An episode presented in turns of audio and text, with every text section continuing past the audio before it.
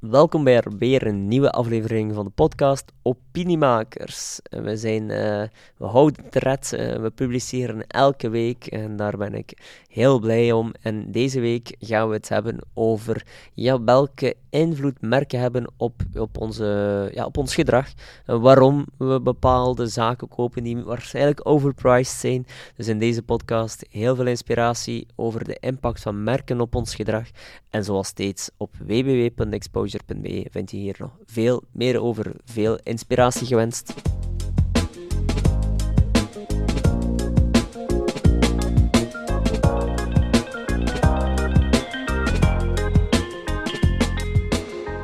Ik, eh, ik zat onlangs in de fitness en ik zag daar ja, een paar kerels rondlopen die bijna niet door de deur gaat geraakten. En uh, allemaal t-shirts en kledij aan hadden van bijvoorbeeld ja, Balenciaga en zo.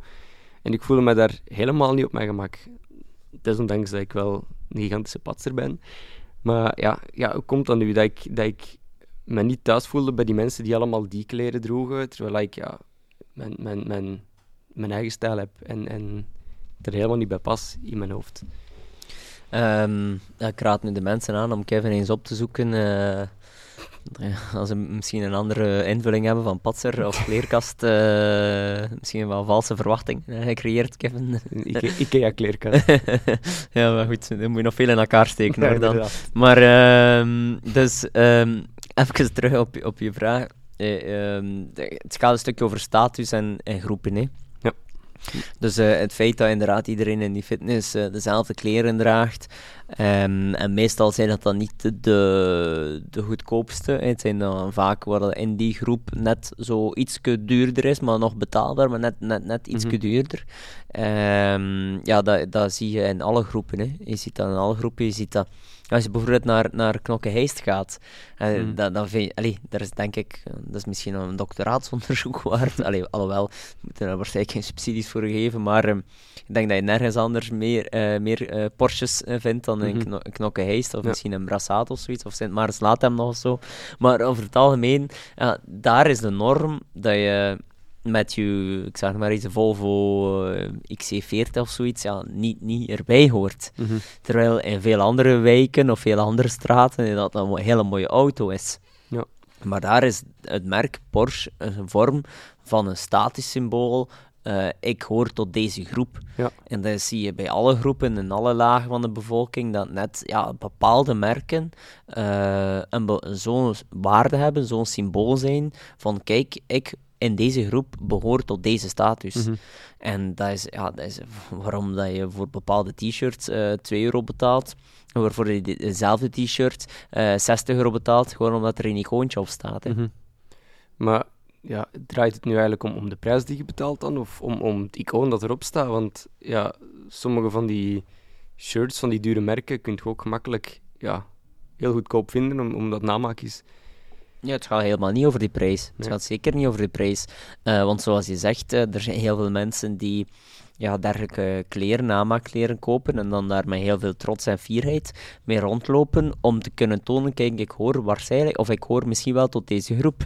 Mm -hmm. Dat helemaal niet over de prijs. Het gaat echt over het associëren, jezelf als persoon associëren met dat merk Mhm. en daarmee aan de brede, bev allee, brede bevolking, is misschien te veel zeg, maar aan de buitenwereld tonen, kijk, ik heb de capaciteiten, ik heb de middelen om dit mij te veroorloven. Oeps, een beetje verkeerd, maar goed. Eh, om dan uh, te zeggen van, kijk, dat is mijn uh, groep, dat ik behoor tot deze status. Mm -hmm. Maar hoe komt het dan dat, dat ja, bijvoorbeeld zo'n duur merk als Balenciaga op, op mij niet zo'n effect heeft, terwijl ik ook wel weet van, oké, okay, dat is een, een duur merk.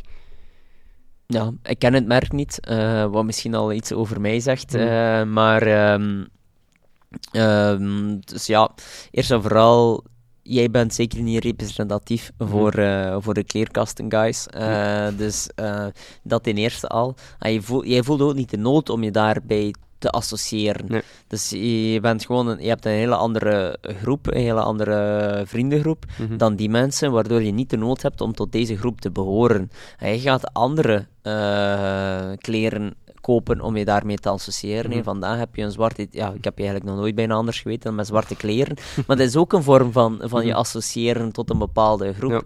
Ja. de de, de, de kleren die je vandaag hebt, dus met uh, ja, vlammen en zo verder. Uh, ik, ik, heb je misschien moet wat beschrijven. wat heb je vandaag aan? Ja, nee, ik ben langs naar een concert geweest en ik heb een t-shirt gekocht en ik dacht, ja, ik voilà. vandaag eens aan doen. Voilà, jij associeert je met jouw kleren heel vaak tot een bepaalde muziekgenre, uh, mm tot een, bepaalde muziekstroming. Mm je zit ook in een muziekband, mm dus je gaat je ook heel vaak, ik denk dat ik de muziek mag omschrijven als wat meer harder ja, metal. Ja, voilà. Dus jij gaat daarom je heel vaak zwart kleren mhm. en ook mm, kleren dragen van muziekbands om je tot die sociale klasse, die status toe, te eigenen. Ja. En als jij nu bijvoorbeeld tot, uh, ja, tot een bepaalde groep zou willen behoren die één band verheerlijkt en daar een mhm. bepaald merk rond heeft gebouwd, dan ga je misschien ook heel vaak met een merk rondlopen. Maar omdat jij gewoon niet de ambitie hebt om uh, de, de volgende kleerkast in ons team te zijn mhm. en omdat jij niet uh, veel vrienden hebt die tot deze groep behoort, heb je ook niet de neiging om daar te, te behoren. Want eigenlijk ja, kun je dat een stukje terugleiden naar de piramide van Maslow. Hè. Ja. de behoeften, de menselijke behoeften. Nu, er is daar heel veel kritiek op die piramide, zoals in elke theorie in de psychologie of gedragswetenschappen. Maar uh, daar heb je onder andere de, de love en belonging, mm -hmm. dat heel krachtig is. Hè. We willen, we hebben de behoefte om te behoren tot de groep. We hebben het al een keer in een van onze vorige podcasts ook gezegd, conformisme. Mm En we hebben de uh, enorme, enorme behoefte, enorme nood aan het uh, behoren tot een bepaalde groep, tot een bepaalde ja, status. Mm en dat zie je is, voor de knokkenheist. Ik wil behoren tot die groep, daarom koop ik me maar een Porsche. Uh, dat zie je in de fitness. Ik weet niet meer welk merk het juist was. Hè. Uh, dus, um, en jij hetzelfde. Ik wil tot die groep behoren, mhm. dus ik ga me zo, zo gaan kleden. En daar zijn merken een middel voor om dat gerealiseerd te krijgen. Ja. Ik heb uh, onlangs ook eens iets gelezen dat mensen met een lager inkomen veel gevoeliger zijn aan, aan die status en aan die merken dan echt mensen met ja, een, een heel hoog inkomen. Klopt dat? Of, of? Ja, je, ziet dat ook. Ehm, wel, het is te nuanceren. In die zin, um, het klopt omdat mensen in een uh, wat uh, moeilijkere uh, context, ja, die, die hebben niet de middelen om eender welk merk te kopen. Mhm. Dus de, ja, als je iets niet hebt of je wilt, ja, dan, dan is de nood om dat te krijgen veel groter en ook speelt dat nog veel harder een rol. Maar als je middelen oneindig zijn, bij wijze van spreken, dan, dan is die behoefte uiteraard ook minder, omdat je alles voor kiezen hebt. Mhm. En dan uh, verschillen ook uiteraard de statussymbolen. Ik zeg nu maar iets, iemand die, die het moeilijk, financieel moeilijk heeft, die zal al heel blij zijn dat uh, bijvoorbeeld een t-shirt, uh, ik zeg nu maar iets, een Tommy Hilfiger t-shirt bijvoorbeeld, wat heel duur is, voor, hey, denk, hoeveel is dat niet? 70 euro of 80 euro voor zo'n t-shirt. Dat is mm insane. Ehm, maar iemand die middelen heeft die eindeloos zijn, ja, is een t-shirt van 70 euro misschien voor hem of haar ja, peanuts. Mhm. En eh, heel vaak zie je dan dat ze bijvoorbeeld brillenmerken of automerken gaan kopen die bijna niemand kent, maar zo exclusief mhm. zijn dat, dat enkel maar de mensen in de hoogste klasses, eh, financiële klasses, dat merk kennen. Mhm. En dan iemand die bijvoorbeeld, ik spreek dan voor mezelf, die, uh, die, die niet eindeloos middelen heeft, uh, die ja, die dat merk niet kent, ja, die gaat zeggen, wel, ik ken dat merk helemaal niet, mm boeit me niet. Uh, maar in die bepaalde klasse gaat een zeer onbekend merk net heel veel impact hebben. Ja. Wat ik ook veel zie, uh, is, um, ja, ik, ik, woon in Antwerpen en ik zie ook heel veel ja, dure wagens staan bij zo, ja, op de oprit van heel kleine, ja, onverzorgde huisjes wil dat dan eigenlijk ook zeggen dat veel van die mensen die, die eigenlijk het niet zo breed hebben, al hun geld ja, gaan, gaan, gaan opsparen en in, in hun auto gaan steken om echt maar dat statussymbool te kunnen hebben binnen hun, hun peer group? Goh, ik denk dat dat misschien iets te ver gaat voor deze podcast, maar dat gaat voor, voor heel veel. Uh, er zijn nog veel meer andere redenen. Het gaat ook een stukje financieel management, financiële geletterdheid. Mhm. Het gaat ook een stuk over. Uh, ja, als je al heel veel in de problemen zit, wil je misschien soms een keer toch iets dat, dat, dat luxueuzer hebben.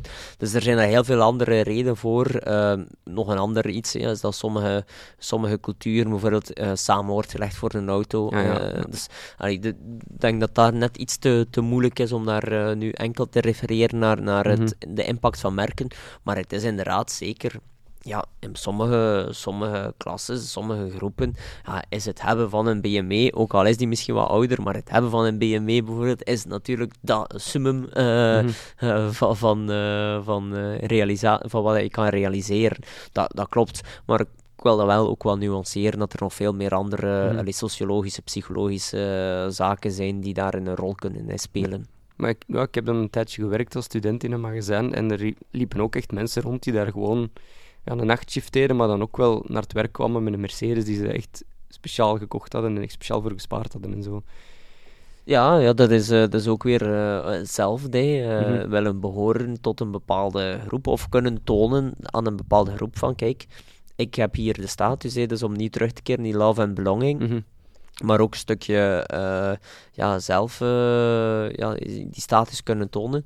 Maar uh, even, ja, die love en belonging, we hebben daar trouwens al heel wat studies rond gedaan hè, bij de voor verschillende mm -hmm. klanten. Ja. Hebben we zowel wat neuromarketingstudies gedaan, maar ook wat literatuurstudie naar, naar de impact van love en belonging en, en behoren tot een bepaalde klasse. en welke impact dat commercieel heeft op verkoop en, en reclame.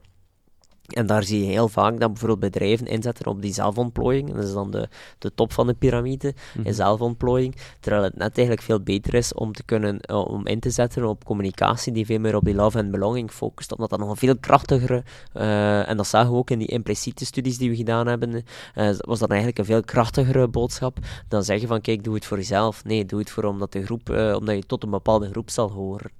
Ja, alright, oké. Dan, uh, ja, dan dank ik u voor deze verduidelijking. En dan uh, ga ik nog een beetje werken aan mijn kleerkast, zodat ik uh, in de fitness ja. toch top of de Ga je wel een paar dagen kwijt, kwijt zijn dan.